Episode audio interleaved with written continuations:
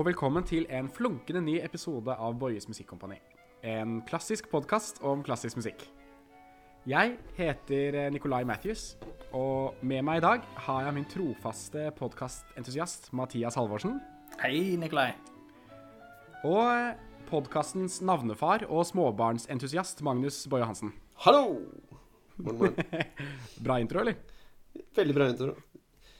Jeg, føl, jeg følte at jeg var ganske Jeg følte meg litt sånn for, uh, kjekkere enn jeg egentlig er. Nettopp eh, kommet ut av korona og spysjuke og alt mulig sånt. Så jeg, Ja, eh, så jeg, så jeg hyper meg litt opp uh, når jeg snakker. Men eh, Ikke sant? ta med ro. Det er bra. OK. I dag så skal vi bevege oss inn i et litt sånn spesielt fenomen som har oppstått i europeisk musikkhistorie. Eh, komponister har jo liksom sånn stort sett livnært seg av å skrive musikk. Og man har vært ansatt f.eks. i en kirke eller ved et hoff, eller om man har hatt rike forsørgere, eller man har søkt støtte hos Kulturrådet for å kunne skrive musikken sin. Men på et eller annet tidspunkt, når liksom det å ha konserter utenfor disse institusjonene ble vanlig, så oppsto også på en måte muligheten for å spille andres musikk med økonomisk fortjeneste, på en måte. Man kunne programmere alle mulige komponister, gamle komponister, nye komponister. Denne liksom trenden vokste liksom utover 1800-tallet, og, og dette ble liksom vanligere og vanligere helt til nå, hvor i liksom den klassiske musikkverden så spiller vi stort sett gammel musikk og skviser inn litt ny musikk innimellom. På en måte. Det er liksom trenden i dag. Så fra liksom at man bare spilte ny musikk, til nå så spiller vi mest gammel musikk. På en måte. Det har blitt en sånn jevn eh, utvikling da, gjennom de siste 200-300 årene. Og så eh, er det jo sånn da, det om å fremføre gammel musikk fører med seg noen sånne fine problemstillinger som vi skal ta opp litt i dag. Eh, for eksempel så finnes det utallige liksom, skriftlige kilder, mange ulike syn på hvordan man spilte i gamle dager.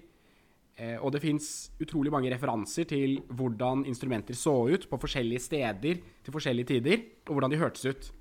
Og autentisk oppføringspraksis har derfor i dag utviklet seg til å bli et helt sånn gigantisk studiefelt som inkluderer alle klassiske epoker, bortsett fra nåtid, og alle instrumenters historiske utvikling, og all liksom, den kulturelle ballasten vi har putta inn i den eh, praksisen ved å spille gammel musikk eh, opp gjennom århundrene. Så ja, det høres jo kanskje ut som et, en liten sak å gå inn i autentisk oppføringspraksis, men hvor skal man begynne i dette her? Ja, Begynn med starten. Hvordan oppsto Hva var liksom det første historiske oppføringspraksis? Når, når begynte det, på en måte? Eh, Kan man si at det begynte med uh, Mendelssohns uh, oppdagelse av Matteus-personen? Det er definitivt et slags sånt I hvert fall sånn som blir portrettert som et sånt historisk vendepunkt. Men det er jo åpenbart at det skjedde ting før det også, da. Mm.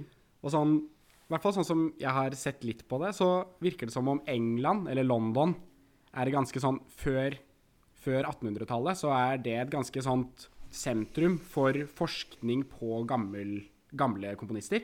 At sånn det å studere gamle komponister for å lære av dem, eller sånn å ta snarveier når det gjelder eh, eh, på en måte At man ikke trenger å finne opp kruttet på nytt hver gang man skal liksom utdanne en komponist.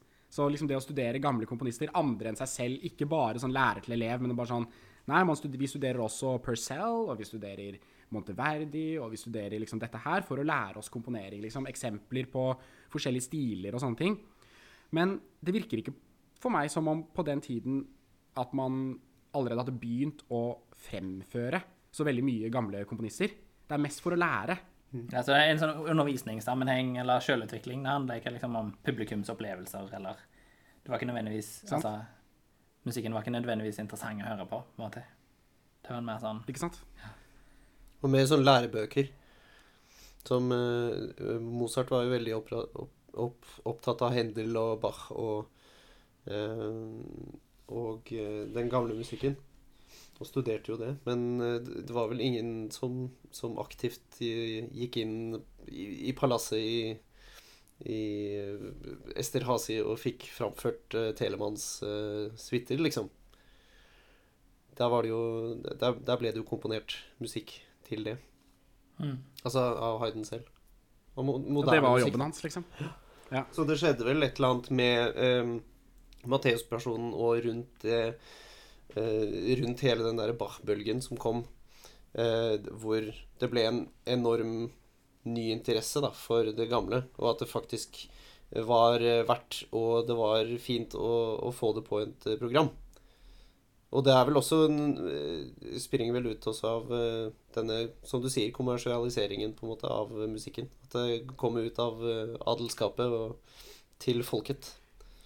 Jeg tror liksom det der med liksom utviklingen av en middelklasse som kunne gå og høre på musikk i en konsertsal Sånn dra på konsert, liksom. At det ble en greie. Det gjorde jo at man kunne kurere Unnskyld. Ja, dra på konsert. Nei, man, man, kunne, man, kunne, selvfølgelig liksom da programmere hva som helst. Da, som kurator av en konsert eh, i et konserthus, så kunne man jo putte hva man ville på det programmet. Og hva folk hadde lyst til å høre, liksom. Og det å Og da på en måte Siden Som er en veldig annerledes situasjon enn hvis du som konge, for eksempel, eller prins eller et eller annet sånt, ansetter en eller annen komponist for å gi deg ny musikk til enhver sånn festlig anledning, eller en kirke som ber deg komponere eh, ny kantate hver, til hver søndag, liksom. Sånn, det er på en måte en, et, en arena som Den konsertsalen som arena er jo noe ganske nytt, egentlig, på den tiden. Det er ikke vanlig, liksom, at sånn Nei, vanlige folk drar og bare hører på musikk for, fordi de har lyst på auditiv underholdning, på en måte. Så med den, da, så, liksom, så kan jo folk For eksempel også som komponist, hvis du skal fremføre dine egne verker, sånn som Mendelssohn da, eller Brahms eller hva søren, så kan man jo også tenke seg at de ikke bare fremførte sine egne verker men på en konsert, men f.eks. tok sitt eget verk og plasserte det sammen med, med, andre komponister som de ville plassere seg selv sammen med. Eller, ja. Jeg tror en, ting som er kanskje kjekt å dra inn akkurat her, siden vi driver og snakker men nevnt litt sånn som Mendelssohn og sånn, er at Mendelssohn sin holdning til å framføre Bach er veldig annerledes enn vår holdning eller det som er på en måte holdningen til å framføre Bach. Eh, hvis du kommer fra eh, Eller tenker på at du har lyst til å framføre musikken sånn som Bach sjøl vil den skal framføres. For det var i utgangspunktet noe Mendelssohn ikke var opptatt av. Fordi det handler mye mer om at, at, at, det har vært en utvikling på instrumentfronten. Musikken til Bach, sånn som Bach spilte den sjøl, var ikke nødvendigvis den måten musikken er best på. på en måte. Altså, du mm. ser på en naturlig utvikling, og det er ikke nødvendigvis bra for vår tid å framføre eh, Bach på den måten det ble spilt på hans tid i dag. Det er ikke noen sånn naturlig mm. Det er ikke gitt at det er den beste måten å spille Bach på, sånn som folk spilte Bach på i Bach sin tid, eller Bach spilte det sjøl. Eh, Mendelssohn, de spilte vel der, de greiene der med, med, det de hadde for hånden, der og da. Eh, altså, de, de Eh, Datids moderne instrumenter, liksom? Ja, riktig. Altså, de gikk ikke, gikk ikke all in med tarmstrenger og, og dutten datten, liksom. Uh, Nei, Mendelssohn fordi... gikk inn og fiksa på Bach sine noter. Så han orkestrerte det ut og skrev om og kutta og holdt på. Ja, ja. Riktig. I tillegg til det, så, så selve instrumentariumet var jo uh, bare på en måte låst i den Eller i den tiden det ble fremført. Uh, og i tillegg, som du sier da um, utbroderte komposisjonene til å på en måte passe en tid. Ja, han skal støtte det, sant. Vi skal gjøre, ja. vi skal gjøre bar, Vi skal vise fram de sidene i Bach som er absolutt Som er best fra vårt, liksom, fra mitt nåtidige mm. perspektiv. Ja. Og det eh, i, i, i, en sånn historisk oppføringspraksis så er ikke det uh, Hva skal man si? Er det noen som hadde turt det nå? Ja. Det begynner å komme tilbake, tenker jeg. Ja, kanskje. Men sånn, sånn historisk sett de siste, sånn siste 20 Hvis du skal uh, Nå skal vi vise fram det beste fra en Bach-sonate eller suite, da. Og legge mm. til liksom Her trenger vi masse uh, ekstra bass og få inn masse instrumenter. Altså, det har jo ikke vært en, en tradisjon for det innen, innen historisk oppføringspraksis. Men det begynner kanskje å komme, mm. da, så smått. At man arrangerer om og liksom hjelper opp og Jeg vet ikke. Ikke, det er noe som jeg ikke har fått med meg, at det har skjedd en utvikling der, iallfall. Men, men eh, fordi jeg føler sånn at for akkurat nå så virker det som det er en veldig sånn sterk trang til å rive seg vekk fra, fra sånn 50-, 60-, 70-, 80-talls-Bach. Og måten å spille barokkmusikk på som, som var veldig sånn en sånn eh, romantisk anlagt med stor vibrato, sterke eller sånn lange musikalske linjer. Eh, Ja, I svært symfoniorkester og sånn. ja, sant? Spiller Sånn Matteus Berlinfilharmonien, liksom. Ja, men hva er han Men, men det er jo sånn, ikke noe Det er jo ikke sånn øh, Det er jo ikke akkurat old øh, Eller det er litt old news, er det ikke det? Eller er jeg litt sånn øh, ut, ut av gamet her? Fordi øh, Fordi jeg, jeg føler jo at, at Nei, altså at det, er, det er jo ingen som har spilt Eller det er få, da, som, som på en måte spiller Bach med, med den Med den approachen som de hadde på 50-tallet og 60-tallet. Det er jo ikke, Ja, nå, nå er det det er ikke veldig gjengs.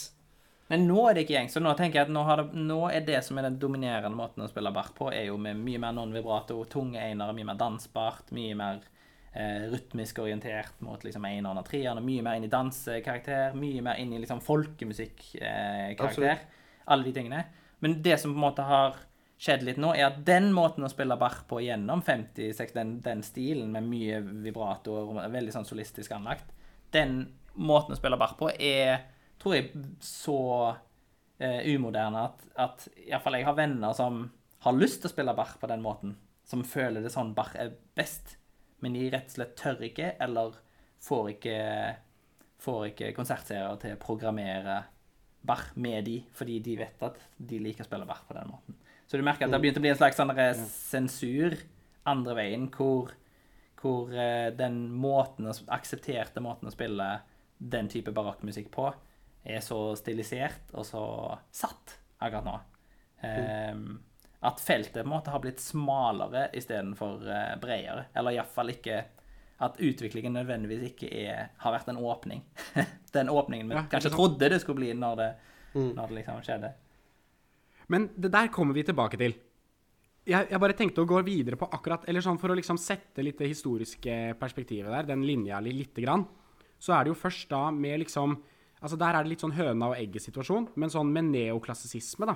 Et, etter sånn 100 år, liksom et, ikke 100 år etter Mendelssohn, men sånn rundt århundreskiftet inn på 1900-tallet, så eh, har jo på en måte den romantiske tidsepoken på en måte utviklet seg maksimalt. på en måte. Det er alt med kromatikk, alt med liksom Veien inn i modernismen er eh, lagt eh, til rette for, liksom. Men så er det jo også da en kjempestor bølge av på en måte sånn interesse for de gamle formene, de gamle, med liksom neoklassisismen, og liksom de gamle idealene, dansesatsene, alle disse tingene her, som gjør at det hentes jo fram det er Plutselig så begynner det masse forskning, eh, både liksom fra komponister selv, men også musikkteoretikere og sånn, som liksom begynner å, å utforske hva var det egentlig de holdt på, på med på den tiden, hva slags form hadde de, alt det teoretiske grunnlaget for hvordan de komponerte i gamle dager, liksom. Det begynte å bli et eget liksom, studiefelt. Så, og med det resultatet at du har bare en hel haug med sånn neoklassister og neobarokkister og Ja, men det som på en måte jeg tror er litt sånn Som er lett å Føler jeg det er lett å tenke når vi ser tilbake på det, er at den, den måten vi ser på barokkmusikk og forholder oss til gammel musikk på, med at du skal med at du skal presentere det så nært datidens komponist sin visjon som mulig, at det skal høres mest mulig ut som den komponisten, det var ikke Iallfall virker det på meg som at den tilnærmingen var mye, mer, mye bredere akkurat i begynnelsen. For eksempel når sånn Schönberg og Webern for eksempel, hadde en veldig sånn veldig utagert sans for, for uh, Bach, var veldig opptatt av Bach. Uh, og så på han som liksom urkilden til liksom, uh, den tyske musikkulturen. Og, og når de forholdt seg til Bach, så var de totalt uinteressert i hvordan Bachs musikk hørtes ut, eller hvordan det ble spilt. Schönberg skrev et par ganger at han, han, han var både liksom uinteressert i det, og at han var han så på det som helt usannsynlig at datidens eh, instrumenter, spesielt orgler, kunne være, eh, kunne være i stand til å bringe fram den eh, musikalske, teoretiske strukturen som ligger inne i Bachs musikk. Så det som både Webern og Schönberg holdt veldig mye på med, var store omorkestreringer. Sånn Schönberg drev og skrev om Bach sitt notmateriale notemateriale og Händel til stort symfoniorkester med altså sånn større enn Wagner, sånn Wagner pluss symfoniorkester. Og orkestrerte og liksom støtta opp eh, strukturene som han mente han fant der hos Bach. Sant? Så hos, i, liksom, hos Schön, Schönberg og Webern så ble jo alle de liksom serielle elementene hos Bach veldig styrke. Alle de liksom allmotivisk, alt som, som fra et hvis, hvis du er på en måte en tolvtonetekniker, du er en som er veldig opptatt av musikkteori, så trekker, får de elementene hos Bach en veldig, veldig, veldig stor fokus, og de andre elementene trekker seg veldig, veldig langt til bakgrunnen. Og det, det, det føler jeg reflekterer en ganske sånn interessant holdning til tidlig musikk, som akkurat nå blir sett på som ganske, fra et sånt utøverperspektiv, ganske problematisk. Men det, er, men det er ganske gøy. Du har jo sånn folk som, som, som Du har utøvere som Glenn Gold, for eksempel, som gjør sånne typer ting. Som driver og spiller når det er bare på en så personlig og stilisert måte at musikken framstår, st- framstår aktivt veldig, veldig eh, uten noe som helst ønske eller tilnærming som har veldig mye med, med Bachs tid eller Bachs sin egen stil eller hans musikalske univers å gjøre, men bare tar utgangspunkt i rått notemateriale og så lage en helt ny eh, konstruksjon på toppen av det, på en måte. Ikke sant? Så det, det syns jeg bare det er liksom gøy, i forhold til Schönberg og Weber og sånn. På, i fall, og det er jo akkurat det du snakker om sånn rundt århundreskiftet. Og litt seinere så, så, eh, så Og det, fortsetter, eller det fortsetter jo da liksom seinere òg, når Schön- Schönberg emigrerer. Og han utvikler et slags sånn fiendeforhold til Stravinskij, som har akkurat motsatt syn på, på tidlig musikk. Som har lyst på en ganske sånn kald og objektiv og, og veldig strengt rytmisk anlagt tolkning av musikken. Schönberg støtter en veldig sånn der, veldig senromantisk, veldig spill ut alle linjene, masse rubato og stans framover. Alle de type tingene. Han går inn og redigerer Bach sine noter. Stravinskij vil bare, bare spille det rett ut sånn som det står. Hvis det ikke står noe, så ikke gjør det. Bare spill det, liksom. Og vil ikke lage noen prosess i forhold til musikken, bare putte den ut. Så de hadde veldig sånn Det føles jo ganske representativt for musikken deres òg, da. På en måte. Sant. Det er jo ut, uttrykt i musikken deres, den Ja. holdningen. Ja. Så det er veldig gøy, da, akkurat den biten at det når vi kaller ting historisk oppføringspraksis, så ref reflekterer det veldig mye filosofi og vårt liksom, syn på kunst eller kunstens rolle, eller, eller det ligger veldig mye bagasje bare i det enkle, liksom, den enkle innstillingen liksom, til materialet. Så det er ganske, Ja. synes jeg er ganske gøy. da. En ting som vi må snakke om her, er jo nettopp det at det fins jo ikke noe auditivt eh, eh, bevart fra denne tiden, ikke sant? Sånn at det er jo bare gjett... Altså I utgangspunktet så er det sånn kvalifisert gjetning på hvordan ting ville høres ut i gamle dager. I utgangspunktet. Det er også eh, når det gjelder sånn Fordi det er jo egentlig først etter krigen at det begynner med faktisk det vi i dag ser på som autentisk oppføringspraksis. Hvor, hvor man begynner å liksom rekonstruere instrumenter til å være sånn som man mener at de var på den tiden. Eller man, man går og studerer eh, manuskriptene som er skrevet om spillestil på den aktuelle tiden, og man, man da på en måte sånn gjør alt man kan for å liksom nærme seg et historisk uttrykk som er likt som den tiden det ble skrevet. Det er jo først etter krigen at, man, at det, den trenden i det hele tatt begynner. Og som du sier, Mathias, så har jo den tatt helt over på en måte da, i hele den retningen av Altså tidlig musikk og autentisk oppføringspraksis nå er, handler jo om et ekstremt spisset felt, da, som i utgangspunktet bare har lukket seg vekk fra alt annet enn de, de eh, veldig teoretiske. Fordi det er jo egentlig bare en sånn rekonstruksjon, en moderne rekonstruksjon, av hva man mener. Og det, ja, det er jo en ting jeg har lyst til å nevne med tanke på dette med den romantiske måten å spille barokkmusikk på. Sånn som den grandiose liksom Berlinfilharmonien-stilen, eller hvordan Heifetz ville ha spilt en Bach-partita. Ikke sant? Det er jo et uttrykk som er Som nå, som jeg begynner å føle at Eller i hvert fall sånn, det kan hende det bare er der hvor jeg er, men at det er en akkurat like liksom konstruert versjon som den faktiske, autentiske oppføringspraksisen er. da. At sånn, Det er bare en, nok en konstruksjon av hvordan man, man eh, på en måte kan framføre denne musikken. Ingenting er på en måte autentisk. Det går liksom ikke an. Men det ligger jo en veldig sterk forskjell i de to tilnærmingene i forhold til at, at jeg føler mye av den auraen rundt det som kalles autentisk oppføringspraksis, handler om at det er en mer rett måte å gjøre ting på, eller at det handler om at det, at det ligger et ønske om å representere stilen og måten musikken blir skrevet, lyden av musikken, tilbake i tid. Gjøre- være mest mulig tro, tro mot den, og det her er mer rett. Mens i en Heifetz-framføring så ligger det ingen sånn illusjon. Det ligger et helt klart eh, utsagn fra begynnelsen av at akkurat det er irrelevant. Ja. Sant? Sant. At det handler ikke om lyden, det handler om liksom Det handler om noter og innhold og prosessen av det akkurat i nåtid. Så det som føles som litt sånn Ofte en sånn dinosaurtilnærming og litt sånn antikvarisk Eller liksom litt sånn eh, veldig gammeldags tilnærming, på en måte er mye mer opptatt av nåtid og nåtidig prosess. Versus den andre har en, i fall en slags uh, mytologi eller en aura rundt seg, en historie rundt seg, som går på at det er mer rett, og det er mer liksom dogmatisk. Det er mer Det har en slags sånn Hvis du ikke gjør det sånn, så gjør du det mer feil. Det er litt mer sånn type holdning. Uh, Ja. sånn Men man kan, også, man kan også snu på flisa der, fordi Heifetz kommer jo også fra en veldig em, Eller ikke bare Heifetz, men veldig mange kommer jo fra en eller annen tradisjon.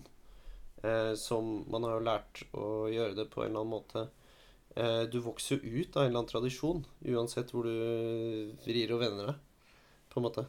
Så, og, og, og, en Heifetz-versjon av Bach er på en måte ikke historisk oppføringspraksis re, relevant i det hele tatt. Men, Ja. eh, men han eh, kom jo likevel fra en type solistisk eh, eh, tradisjon eh, som han har lært, og man skal spille på den måten. Og når du går opp der, så er det porta, portamento ned, og Så, så hva, hva skal man kalle det, liksom? Eh, det er mer eh, Jeg vet ikke. Jeg, føler jo det er, det er jo på en måte Det ligger jo et grunnlag her for å ha et nytt segment da, på en måte inn i denne autentiske oppføringspraksis. At du har sånn barokkmusikk framført på romantisk spilles, altså, vis. da. Altså sånn at det også er en type autentisk oppføringspraksis, på en måte. Men det Som er bare er sånn altså, meta, meta. Ja, ikke sant? Ja. Og hvorfor skal ikke det anerkjennes i samme grad som Jeg syns det er Det er jo altså, akkurat den samme type konstruksjon. Ja. Jeg syns det er superfint, det. Uh, Det er dødsfint. Hvor, hvor, Ja, ja, han bare plutselig Han bare går høyt opp på D-strengen, og sånn glissando ned, liksom der hvor det trengs. Altså, det er Det har noe ved seg som er veldig, veldig fint. Og eh, jeg tror nok at takhøyden for å gjøre det nå er, er så klart eh, mye lavere. Altså, det er ikke, det er ikke takhøyde for det. Men eh, mitt poeng i stad var litt at eh, Kommer vi ikke en eller annen gang, om ikke så altfor lenge, til å se en slags eh, motreaksjon til det i tillegg? Fordi den tidlige musikkbølgen har jo vart lenge. Og det har vært liksom konsensus ganske lenge at du skal gjøre det på denne måten. Og det finnes utrolig mange gode innspillinger eh, av historisk eh, eh, med, med oppføringspraksis, eh, historisk oppføringspraksis, eh, måten å spille ting på. Eh, at jeg tror nok at, at, at det må Something's got, got to give, på en måte. Tenker jeg. At, at det kanskje blir Og det er en superfin ting, da. At man Mm. får en litt mer toleranse for å, for å være litt mer personlig. For det går jo også på det. Det, er jo, det blir jo ofte en, ofte en eh, litt upersonlig Eller kan fort bli, da. Fordi du, fordi du liksom har så mange regler, og du, du, vet hvor, du vet hvor Sånn skal det gjøres, og det er feil, og ikke sant. Eh, At du fort kan viske ut en, eh, en personlighet i spillet. Jeg har jo et sånt eh, klassisk eksempel på det. føler jeg. Eller sånn, først så kan jeg jo bare si at sånn Jeg elsker jo sånn tidlig musikk. jeg føler det må være en slags disclaimer her. At Men, sånn, men det tror jeg vi alle tre gjør. Altså, alle vi tre er skikkelig, skikkelig fan av uh, mange av de jeg har Av og og til har jeg en våt drøm om å bare være medlem av, uh, av Akademi for alt musikk Ja. i Berlin. Og bare Ja, ja, ja. Gå helt All inn. in. tarmstrenger og- og liksom bare full pakke. Men Ja. Ikke sant? Ja. Ikke sant? Det er jo, det er, vi er alle enige om det. Og vi er jo også sånne hva skal man si, sånne musikalske kameleoner som driver og tilpasser oss alle mulige ulike settinger uten å, og prøver å tilegne oss all denne kunnskapen og bare sånn gjøre det så riktig som mulig å holde på med, liksom. Men, men det kan jo liksom fort bikke. Jeg husker veldig godt Vi hadde et sånt prosjekt med Ensemble Allegria på Oslo Kammermusikkfestival hvor vi skulle spille eh, Vivaldi-konserter med en eh, sånn autentisk eh, type, da. Abraham et eller annet, tror jeg han het. Eh, fra Skottland. Og han eh, ble også Vi ba om noe som Vi hadde lyst til å spille Bach i tillegg. Han bare sånn Nei, jeg gjør ikke egentlig Bach. Jeg gjør bare Vivaldi. Eh, fordi han var Vivaldi-spesialist, ikke sant? Og, ehm, og eh, Men resultatet var jo Han sa OK, greit, jeg skal være med og spille Bach, men det er ikke mitt spesialfelt, liksom. Og da på en måte sånn Men så spilte han jo Vivaldi utrolig kjedelig. Så det hjalp jo på en måte ikke å være så inn i liksom hvordan det var riktig å gjøre det. Hvis du spiller dølt, på en måte. Det hjelper jo ikke da. Nei, Det var et veldig godt eksempel på akkurat det. Og der tror jeg, der tror jeg institusjonene, altså musikkhøyskolene rundt omkring, har, eh, har liksom syndet litt. Fordi um, jeg så en sånn video med en professor i Han er eh, klaverprofessor, men også professor for historisk oppføringspraksis i, i Australia. Jeg husker ikke hvilken by det var. Eh, som holdt et eh, liksom, foredrag om hvordan prosessen er. da, Hvordan du skal internalisere eh, spillestil. Og dette gikk faktisk på romantisk eh, oppføringspraksis, da. Men det var en helt sånn vanvittig nitidig prosess, da, hvor eleven skulle gå inn, og så skulle du ha liksom alt av materialet du skal høre gjennom. Absolutt alt som finnes. Og så skulle du liksom analysere hver minste tone. Og der er det en glissando, der er det portamento. Den utøveren gjør det sånn. Og så skulle du lage en kjempeoversikt over dette. Og så, eh, etter at du har gjort det, så skal du prøve å etterligne så mye du kunne. Helt til det på en måte er en interna internalisert liksom, stil, da. Eh, som at du, når du spiller romantisk musikk senere, at du på en måte gjør det automatisk. Fordi du har forsket liksom så grundig i det, da. Men resultatet var jo at det var ganske eh, blast, liksom. Det var ganske lite sjel i alt der. Eh, fordi, fordi man, man er jo ikke det man eh, Altså, man, man prøver å putte et eller annet over spillet sitt. Eh, mm. som, som på en måte er litt eh, Ja, jeg, jeg skjønner intensjonene er veldig fine, men det, det bare Jeg vet Men ikke. sånn, de beste liksom, ensemblene jeg har hørt for tidlig musikk, er jo de som nettopp klarer å liksom slippe det etterpå. At det er sånn man, man har lært masse, man har studert all den tidlige oppføringspraksis, man har lest Leopold Mozart om hvordan man sant, Alle de greiene der. Mm. Og så klarer man å bare sånn løsrive seg helt, og så nå handler det bare om å lage god musikk, liksom. Ja. Som, sånn som vi føler for det. Ja, ja, og akkurat den der løsrivelsesprosessen føler jeg har de liksom ikke lagt like mye vekt på. Um, Ennå. Ennå. Så skjerpings. Jeg, jeg skulle ønske jeg hadde råd til å ha en bass med rigga med tarmstrenger, på en måte. Oi, er herregud, hva slags tarmer er det du bruker da? Det må jo være noen Jeg veit ikke. Det er grisetarm, sikkert. Er det det er jo eh, 10 000 kroner, da. I bare ett sett strenger som blir dårlig etter to måneder, liksom. 10 000. Du bruker en hel gris på en bass? ja, det er jo helt sjukt. Altså, en sånn oktobass, oktobass Den dypeste oktobass-strengen eh, er laget av tarmene fra 200 griser. What? D-streng, ja. 200 griser. Men de bruker sikkert resten av grisen til et eller annet annet, da, håper jeg. Du kan, du kan faktisk ikke være veganer og tidligmusikkentusiast. Nei, det er sant. Finnes det noen løsninger der i, innenfor feltet? Jeg, jeg tror det handler om at man, man lager jo nylonstrenger og sånn. Ja. Som på en måte låter ganske likt. Ja. De er, begynner å bli gode på liksom å gjenskape den. Litt sånn som man begynner å bli god på å lage plektere som eh, på en måte er en kopi av negler, på en måte. Det er ikke bare Ja. plastikk-plastikk, liksom, lenger. Nei. Ja. Nei, men interessant eh, spørsmål, da. Hva gjør, eh, hva gjør veganere som er tidligmusikkentusiaster? Ja, vi, det er ikke så farlig. Kanskje de eh, tar et unntak akkurat der. Det, det gjør vel det. På hestehår på buen og Ja, verden er ikke svart-hvitt. Ikke når det kommer til kriser. Og man skal ikke bli ekstremist, da. Jeg, jeg tror på en måte det er på en måte nøkkelen da, også for tidligmusikkentusiaster. Litt sånn som at man skal ikke liksom Det lønner seg å liksom ikke bli så dedikert da, som han derre Vivaldi-entusiasten. At han bare kan spille Vivaldi. Da, bli, da mister man jo gleden, liksom. Men, men, jeg, men jeg tror også det er viktig å få inn at det ikke er sånn svart-hvitt heller. Jeg tror det er masse kreativitet du kan hente ut fra en sånn veldig sterk entusiasme for Oi, de gjorde sånn eller sånn. Ja, det var en... For jeg tror du kan få mange sånn Det er jo et eller annet å være offer for sin egen intuisjon. Det er jo en annen side. Altså, når du, du utsetter deg selv for kilder eller prosesser som gjør at du Oi, nå må jeg, det her er ganske uintuitivt. Jeg må prøve Så Oi, den rytmen var veldig rart. Det er gøy. Altså, det ligger verdier i sånne typer tilnærminger òg. Prøve liksom utvide horisonter eller lære seg ja, andre liksom mønstre eller andre måter å spille på, er jo òg liksom positivt. Så det er litt vanskelig å liksom ja, alltid vanskelig å være kategorisk selvfølgelig om, om, eh, om eh, tidligmusikkbølgen. Jeg tenker for, for meg så handler det bare mer om at det er så allment akseptert at vi skal prøve å spille det sånn som det blir spilt. At det er den rett og feil-holdningen.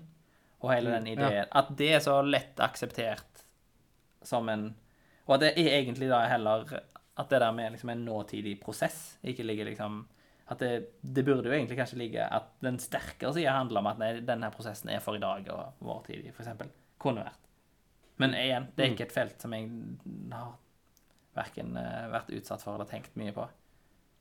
Um, men jeg, jeg vet at det ligger Det er veldig mange som får masse kreativt input fra, fra å lese kilder, spesielt. Altså Det er jo masse kjempekulere innspillinger av folk fra sånn 1890, helt begynnelsen av, av, eh, av århundreskiftet, som, som, eh, hvor du kan høre f.eks. pianister sånn, som spiller på helt andre måter enn enn med helt andre typer romantiske eh, timinger og sånn enn det som vi er vant til i dag.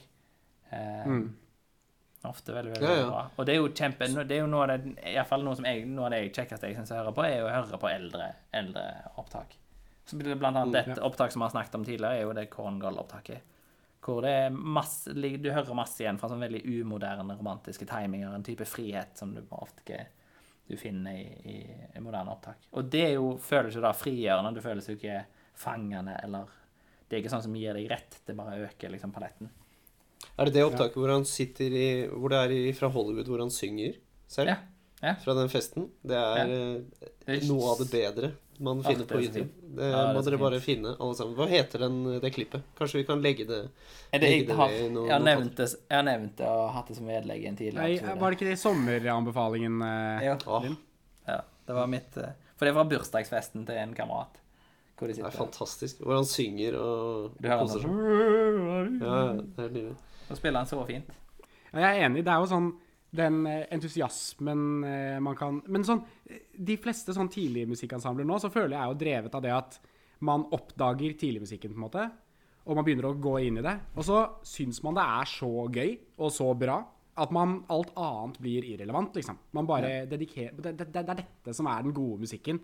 Det er dette som er Og så blir man helt sånn Og det er jo fantastisk, da. At noen på en måte både gidder å gjøre det, og på en måte og har hva skal man si, sånn nerdefaktoren til å liksom kunne virkelig Ja. fordype seg i de tingene, og bare og øke paletten. da.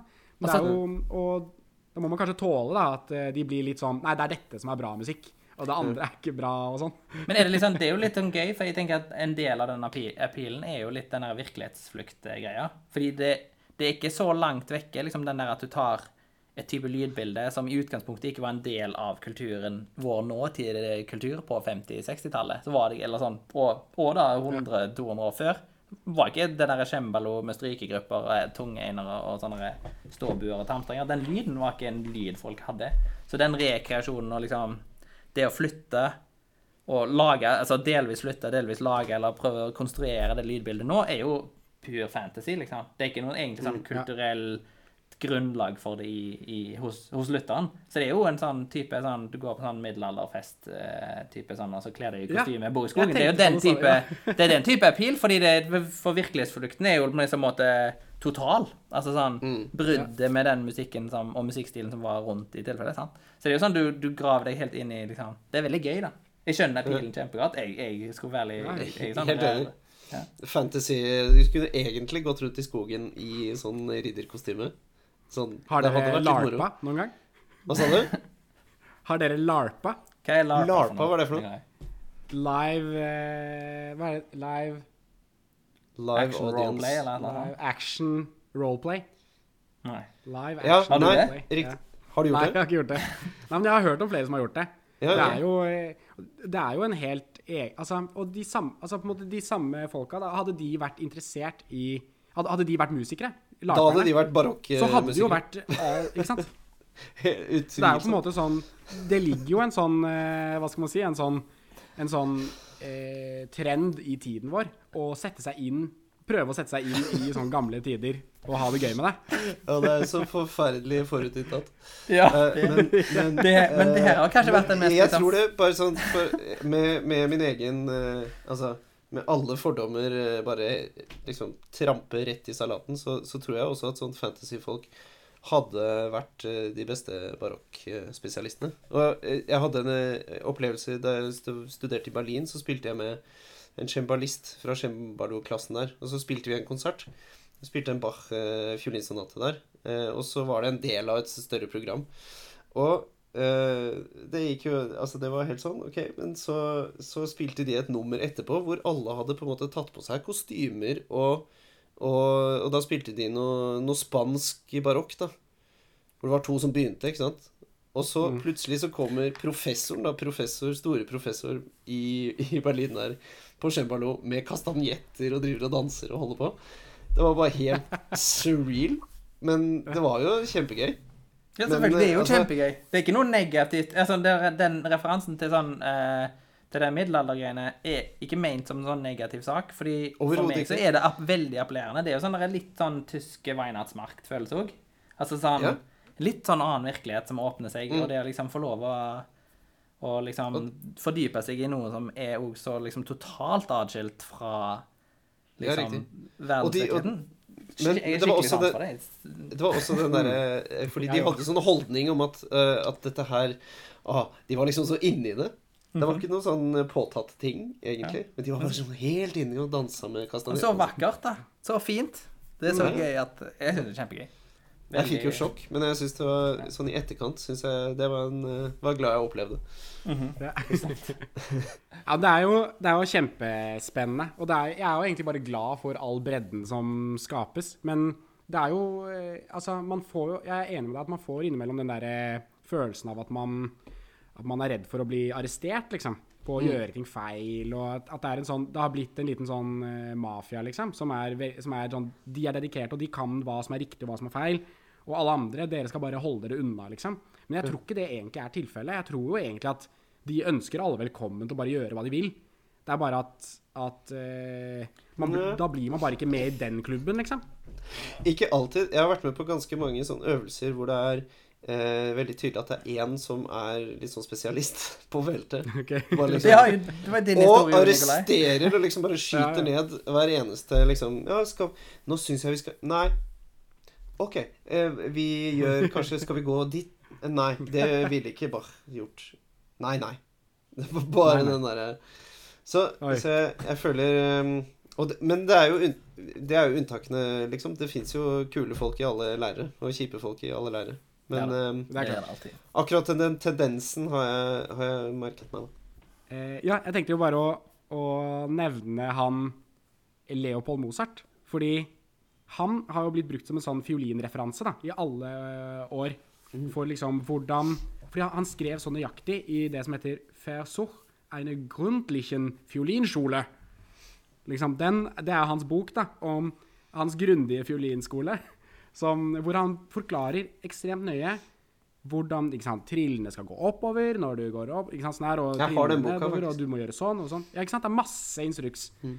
Men så en fin ting han sier der, da, det er på slutten, etter å ha gått gjennom alt dette tekniske greiene, så sier han teknikk i seg selv er ikke nok for å, å fremføre eh, fiolin på en god måte. Du, man må alltid strebe etter å gjengi musikkens affekt, eller følelse, liksom, eh, med hvert strøk. For å gjøre dette, så er det essensielt å liksom ha fingeren på pulsen for eh, å forstå de strømningene som er i nåtiden.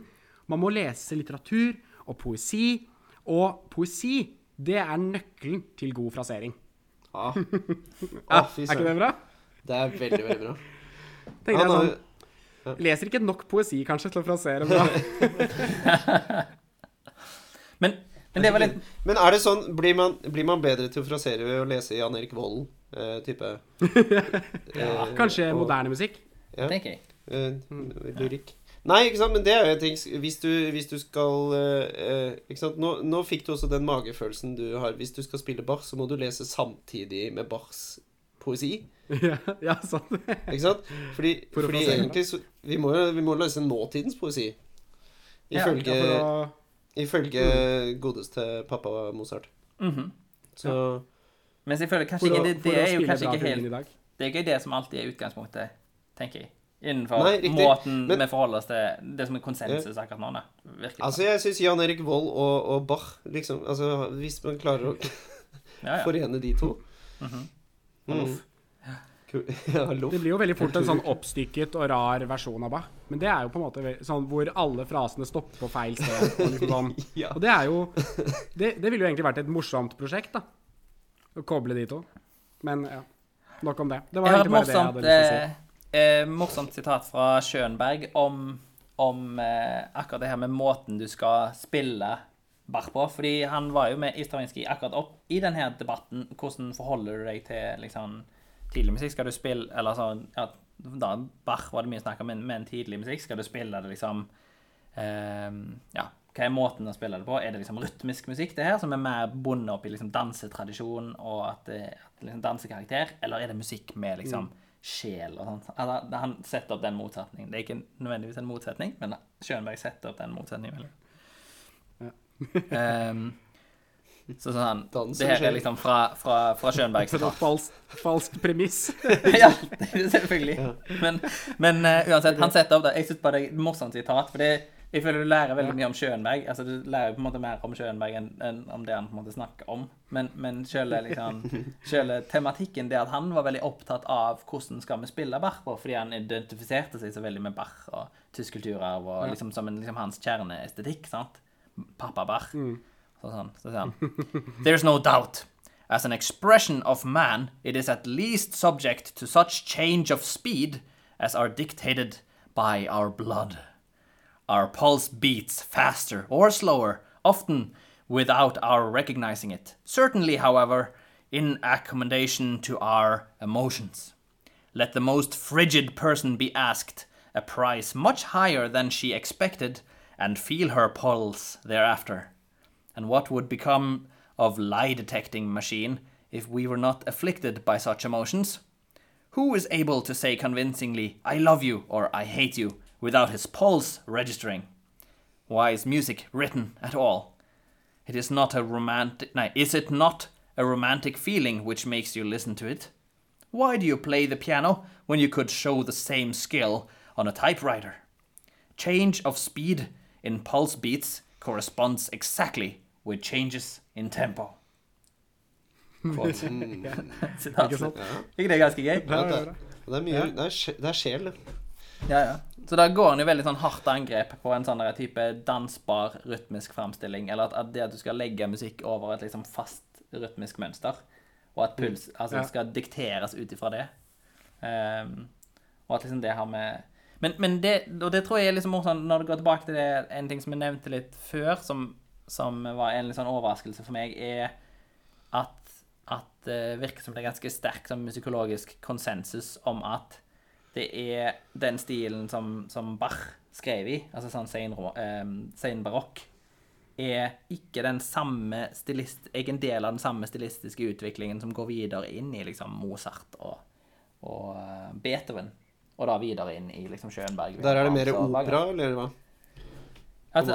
Den italienske det er operaen igjen ikke mitt eh, Det tenker jeg er en annen eh, episode. Jeg har ikke lest om det. Men jeg føler det reflekterer Mm. litt at det kan være han går fra sitt perspektiv og har lyst til å prøve å bringe Bach inn i sin stil med sine ting, og da ender opp kanskje med å trekke ut Bach og ting fra liksom finne mening hos Bach som egentlig er ganske fremmed for, for uh, musikken i utgangspunktet, men, men da finner masse veldig, veldig relevante ting fra sitt ståsted.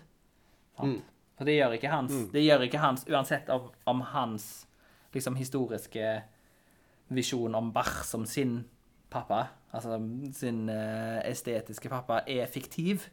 Fra et liksom musikologisk eh, utviklingsperspektiv, så er ikke hans det at han finner masse mening der, og finner resonans for sine ideer, og finner de tingene og styrker de gjennom sin orkestrering og manipulasjon av Bachs musikk, så er ikke det Det gjør det ikke mindre Det relevant. Det gjør det nesten mer relevant, sant?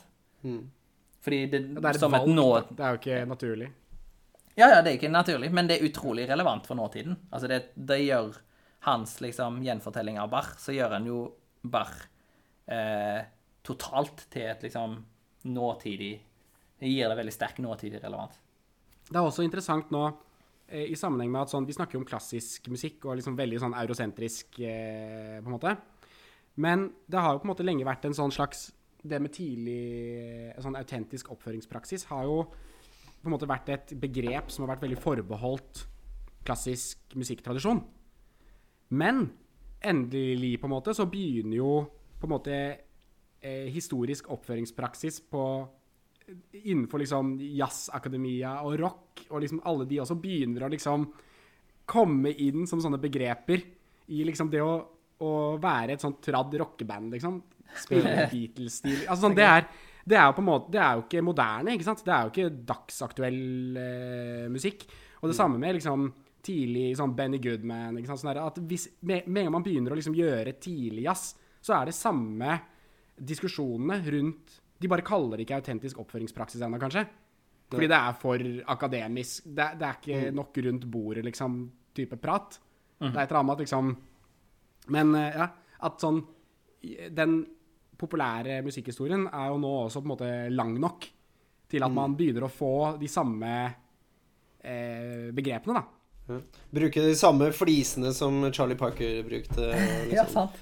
Finne det samme trommeskinnet som Beatles mm. hadde. Jeg tror du har det innenfor Ja, gitarer veldig òg.